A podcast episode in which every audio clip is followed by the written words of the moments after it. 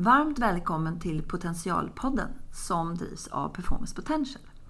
Jag som intervjuar heter Marika Skärvik och är VD för Performance Potential. Tanken med den här podden är att vi ska ha avspända samtal med kloka ledare och komma lite under ytan kring deras personliga erfarenheter och bjuda på tips som du faktiskt kan ha nytta av.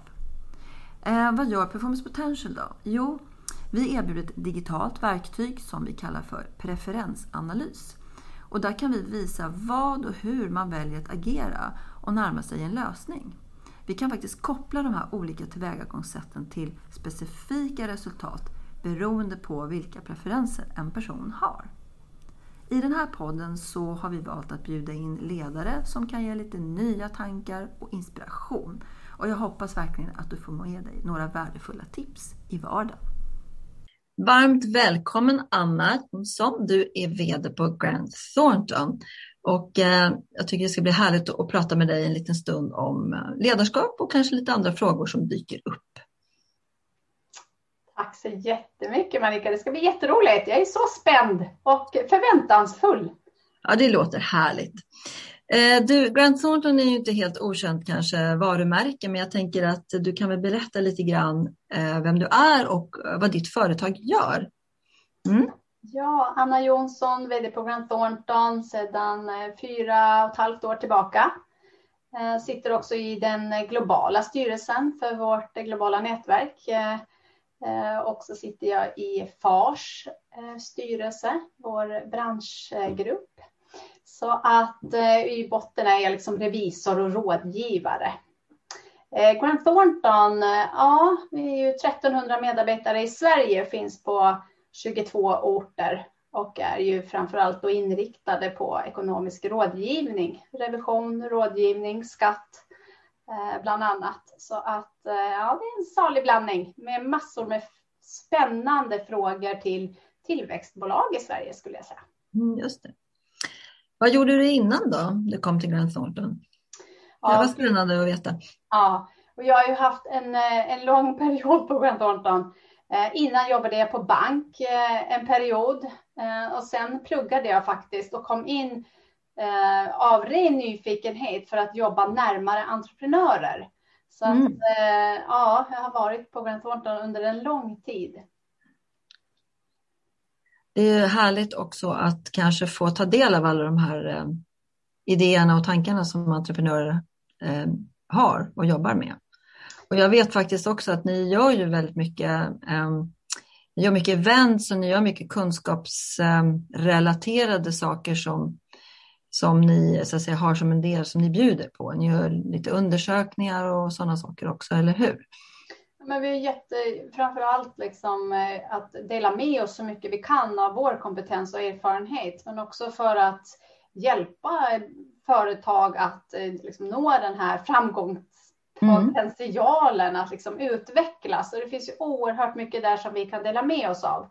Mm. Dels av allt eh, liksom, såklart det vi kan enligt lagen och då med, med liksom erfarenheter, men också utifrån att vi jobbar så mycket med de här bolagen varje dag faktiskt.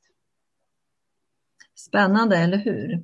Mm. Jag tänker led, ledarskap, alltså kunskap och kompetens, det är ju någon form av ledarskap också, så att säga, att, att bjuda på det eller investera i det helt enkelt. Vad tänker du om ledarskap? Vad, vad, vad, vad, betyder det för dig eller vad är det för dig? Det är ju kopplat precis till det du sa, i och med att det är ett kunskapsföretag så är det ju som att jobba i ett mänskligt system. Det är ju att leda människor. Eh, så att eh, hjälpa andra att lyckas lyckas brukar jag tänka på.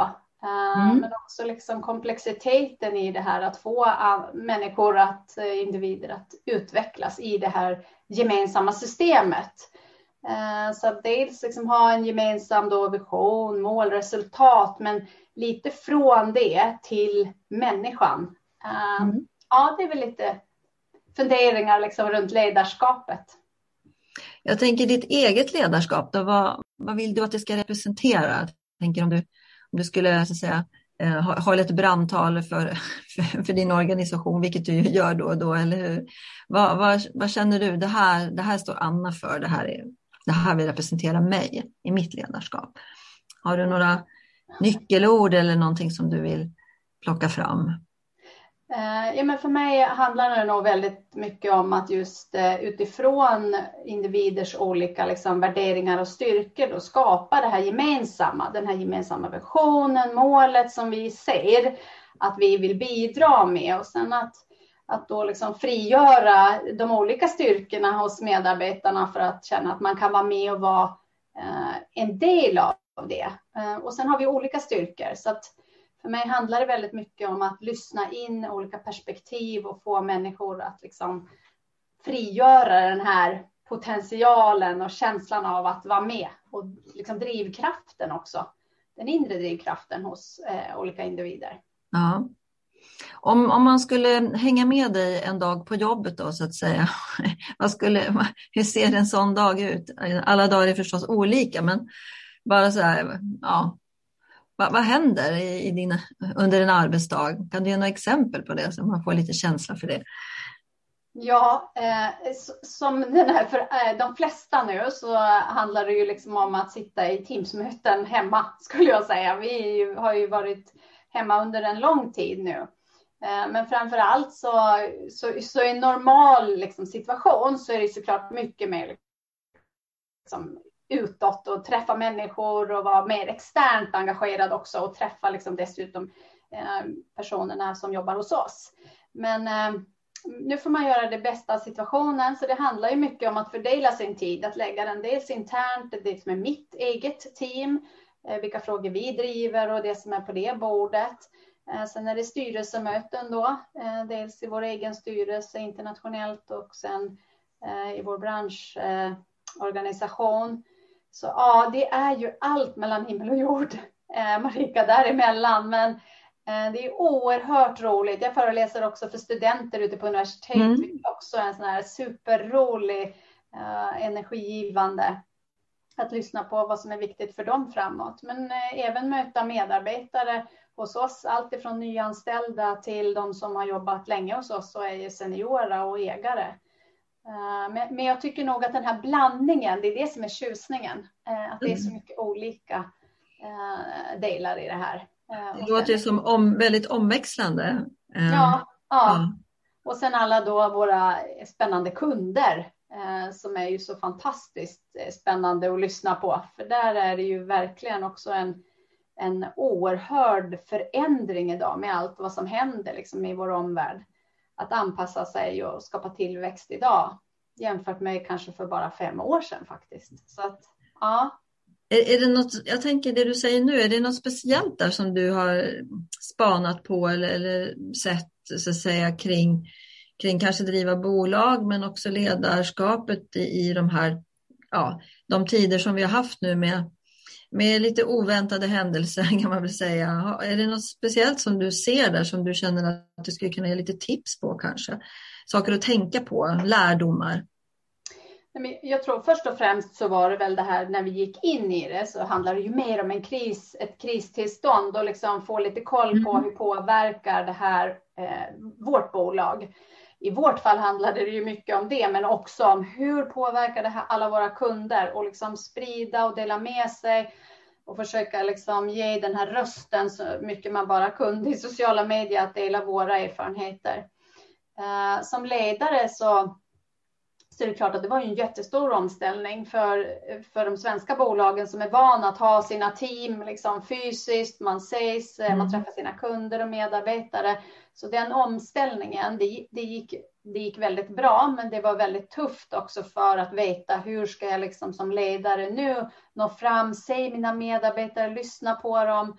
Eh, så den omställningen eh, har nog tagit lite tid tror jag innan man liksom får koll på. Sen är det ju också hur individen mår i det här, för jag menar det är det har ju varit jättetufft för många eh, och, och, är liksom. Det är en oro Eh, i det som också gör att, eh, att man som ledare för ännu mer att liksom, eh, skulle jag säga, vara lyhörd för hos medarbetarna hur, hur de mår och hur de liksom ska känna att de är en del av någonting större när man då sitter kanske bara hemma och tittar på en skärm.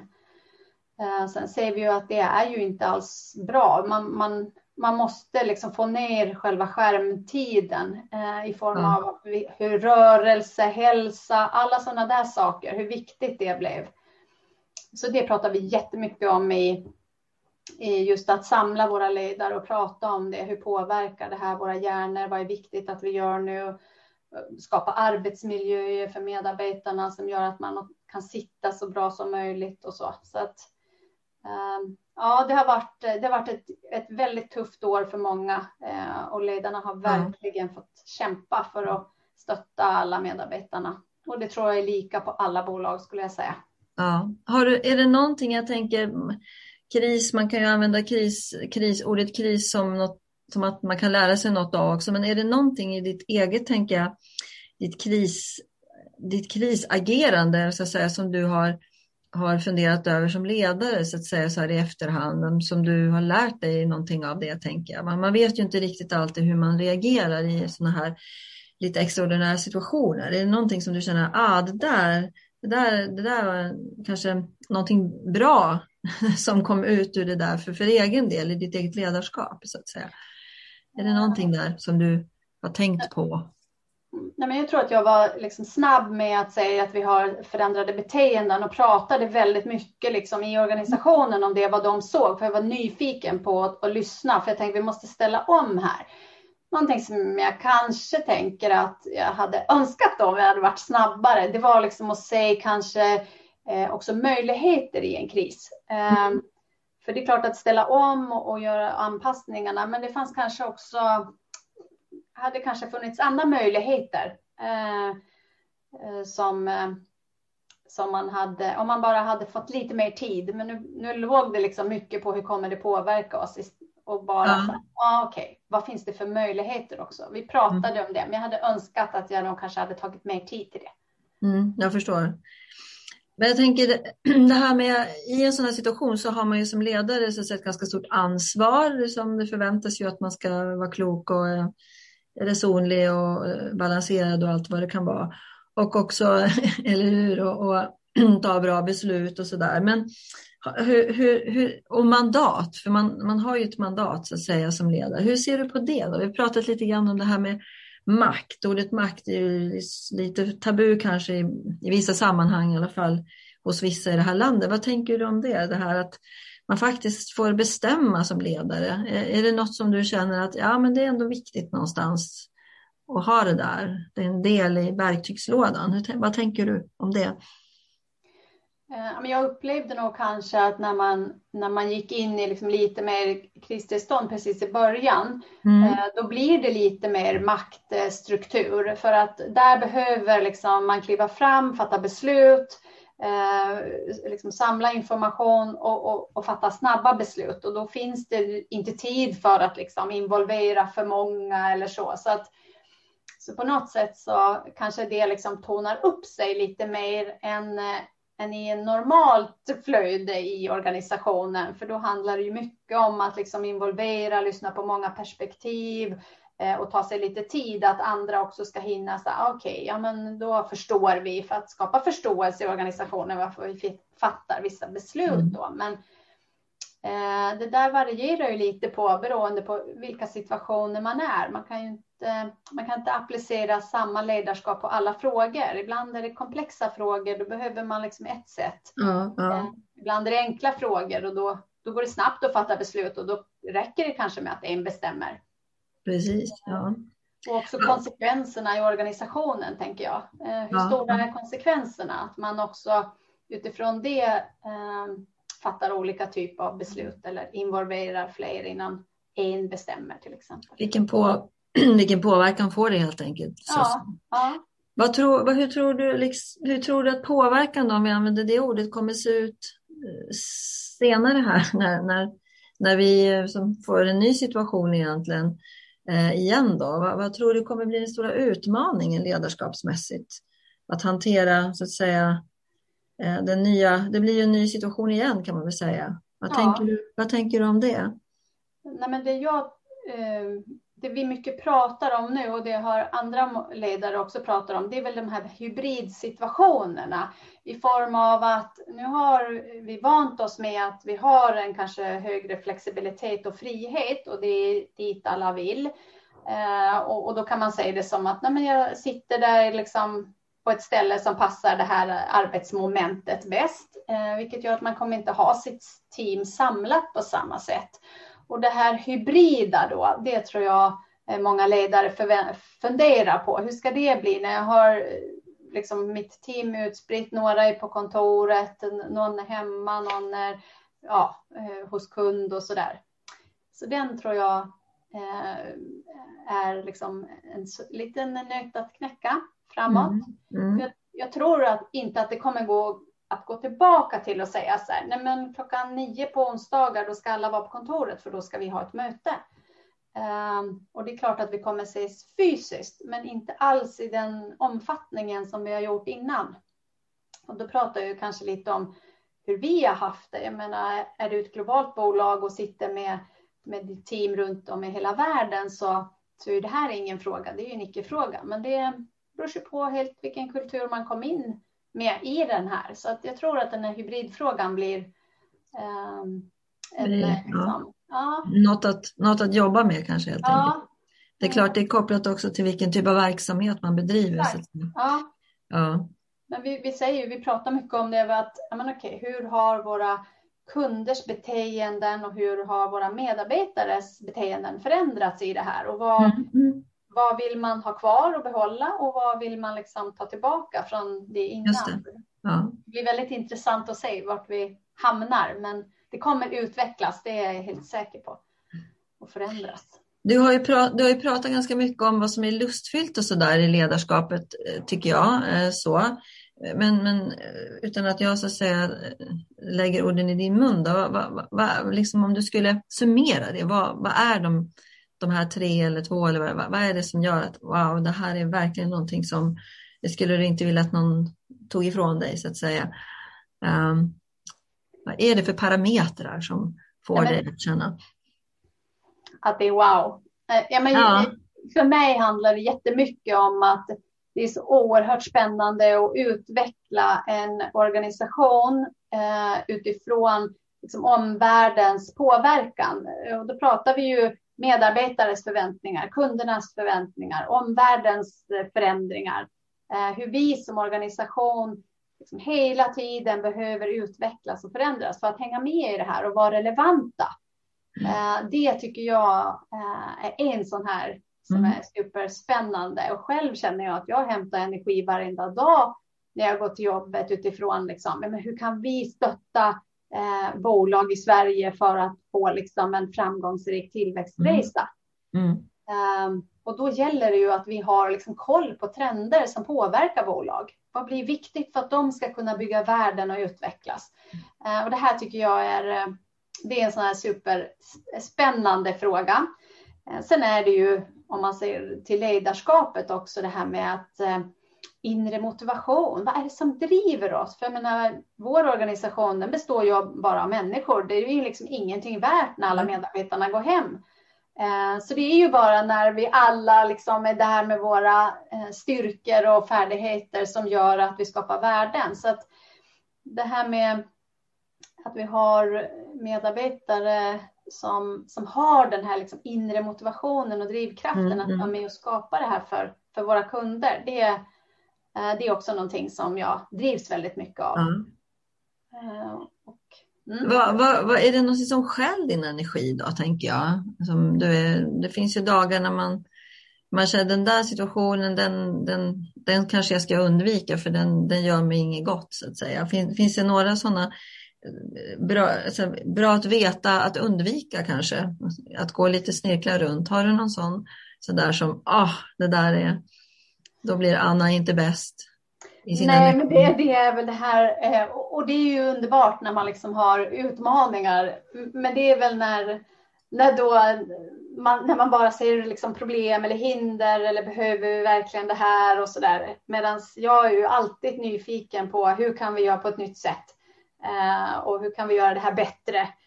Uh. Så det är väl en sak och sen, sen är väl inte min styrka liksom att sätta mig in i detaljer, utan jag är mycket för helheten och om vi förflyttar oss. Sen behövs det ju detaljer så att, men det är inte det jag liksom brinner för om man säger så. Det finns många som är duktiga på det för sig. Ja, Eller hur? Ja. Du var inne på det här med värderingar, du nämnde det lite grann. Jag tänker så, är det några särskilda så att säga, värderingar som du själv känner att de här, är, de här kan man inte tulla på. De, det, det här är superviktigt så att säga för att, för att eh, ja, du ska känna att du är sann mot dig själv eller hur jag ska kalla det för. Ehm, ja, men det är väl, eh, det är väl de jag de är liksom... Nyfiken tyckte jag hörde där någonstans. Men... Ja, ja, men nyfiken är jag. Sen gillar jag att jobba. För mig är det viktigt också att man liksom har kul ihop. För det är ju det är oftast tuffa frågor. Det är liksom väldigt sällan det är liksom bara positiva flöden man sitter i. Det är ju, kommer ju dagligen ganska mycket också som inte går liksom toppen. Eh, och att lära sig att förhålla sig till det där men ändå liksom känna att det någonstans är det ju faktiskt liksom lustfyllt också. Det är ju roligt, det tar oss ju någonstans. Så att för mig är en viktig värdering är att man liksom är hjälpande och stöttande mot varandra för att vi ska lyckas tillsammans. Det är någonting som är jätteviktigt för mig. Att man inte liksom eh, lämnar en kollega eh, i sticket utan att man står upp och, mm. och, och hjälper till och stöttar där eh, och lämnar sina liksom, perspektiv eller vad det nu kan vara för att eh, hjälpa varandra. För jag brukar säga att jag menar, liksom, ensam är ju, det räcker nästan inte med svag idag. Det, det klarar man inte idag. Nej. Du måste liksom ha eh, varann för att verkligen få det bästa ur eh, teamen idag. Så att det är väl en sån där eh, som jag tycker är mm. viktig vi har så mycket olika styrkor som vi behöver eh, hjälpas åt med. Ja, precis. Så, och sen också för min del som ledare är att, eh, att jag litar väldigt mycket på dem jag jobbar med. Att de gör sitt bästa. Sen misslyckas vi alla. Eh, men, eh, men att liksom finnas där då. Eh, där medarbetare känner att Åh, det här gick ju inte så bra. Nej, men det kommer gå bättre nästa gång. Liksom. Eh, så stort förtroende till sina medarbetare. Ja, det låter ju som att du har ett härligt jobb tycker jag med alla möjliga intryck och jag menar att träffa alla de här företagen är ju en jättehärlig business intelligence spaning varje dag kan jag tänka mig. Um, om, om, du, så att säga, om, du fick, om du fick möjlighet att, att leva om din karriär, alltså parallellt då, för den här låter ju som att den du har är jätterolig och spännande, men är det någonting du skulle liksom göra annorlunda, någonting som du känner, ah det där skulle jag ju ha gjort eller det där hann jag inte med eller, eller så? Är det någonting som du har, känner att du, eller som du har kvar kanske som du inte heller har upplevt ännu? Nej men eh, det, är jätte, äh, jätteroligt att du frågar. För, för en, eh, det är att jag tittar väldigt, väldigt sällan bakåt. Eh, och, och jag har kanske liksom också lite så förträngning att ja, det gick inte så bra, men nästa gång kommer det gå bättre. Eller nu kör vi liksom framåt. Så att, så att just det här med skulle jag ha gjort något annorlunda? Nej men gud Marika, jag tittar inte bakåt. Nej, men det, är, ja. Så att det är nog liksom en egenskap hos mig. Det är att nej, det vet jag faktiskt inte om jag, om jag skulle ha gjort något annorlunda. Jag har varit väldigt driven liksom utifrån min inre motivation att så här, det här tycker jag verkar spännande, roligt och jag har haft en otrolig förmån att liksom fått varit i en miljö och en kultur där man har fått möjligheter till det. Mm. Utifrån de styrkorna jag har och det jag har tyckt varit roligt. Så att, eh... Är det något framåt då som du känner, åh det här, det här är spännande, det skulle jag vilja liksom vara med om eller, eller så? Någonting som du känner att du, ja. ja med din nyfikenhet tänker jag där.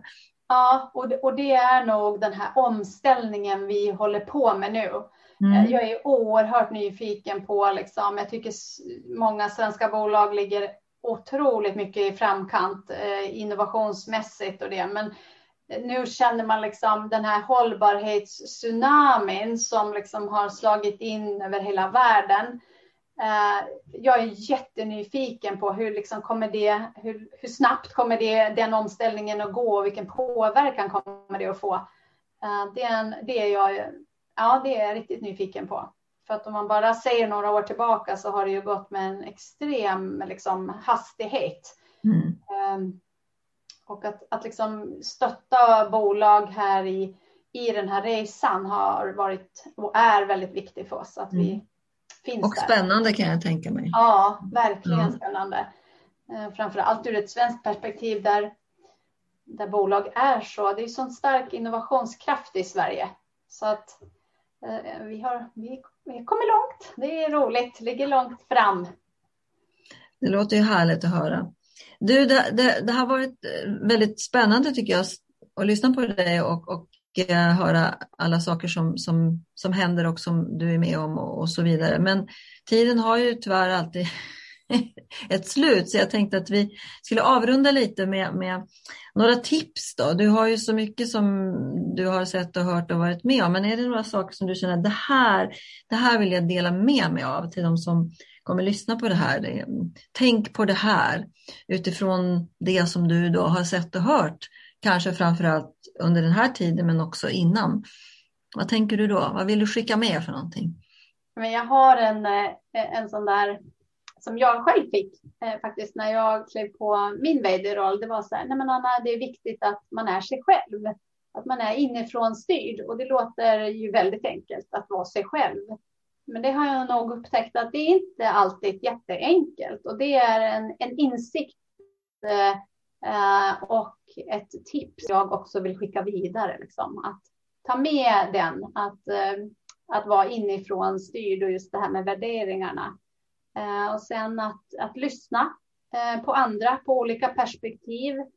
Eh, för det finns, alla har olika, liksom, sitter med olika verkligheter och styrkor. Så det är väl en sån här eh, viktig sak för att liksom lyssna in och få en, en helhet och en större bild innan man fattar beslut eller vad det nu kan vara. Mm.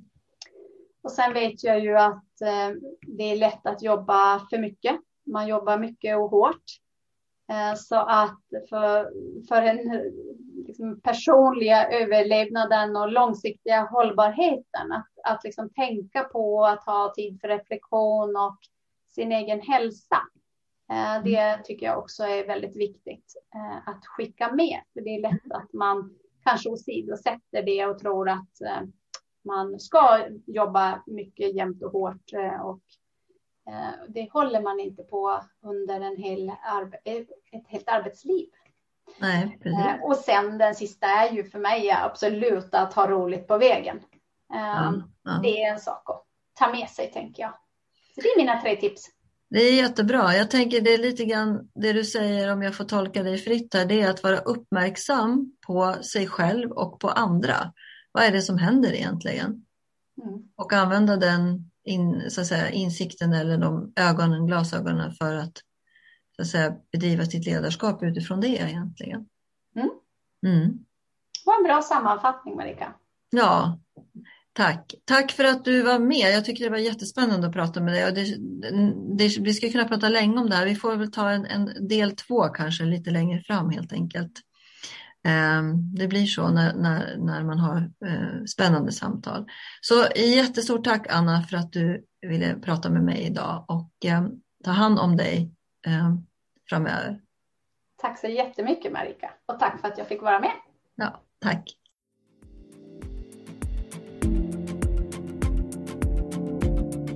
I idrottsvärlden känner varje individ till sin process för prestation och leverans ganska väl. Men i näringsliv och organisationer är det ofta en otränad och kanske omedveten kunskap. Performance Potentials digitala verktyg, som vi kallar för preferensanalys, används just för att ta fram teams och organisationers sätt att leverera. Och sen matchar vi det med kundernas krav på agerande. Genom den här metoden får både individer och organisationer en möjlighet att nå sina mål och få bästa utfall av sina planer Därför att man på förhand faktiskt kan förutse hur människor kommer att agera. Så hör gärna av dig så kan vi berätta mer om hur det går till.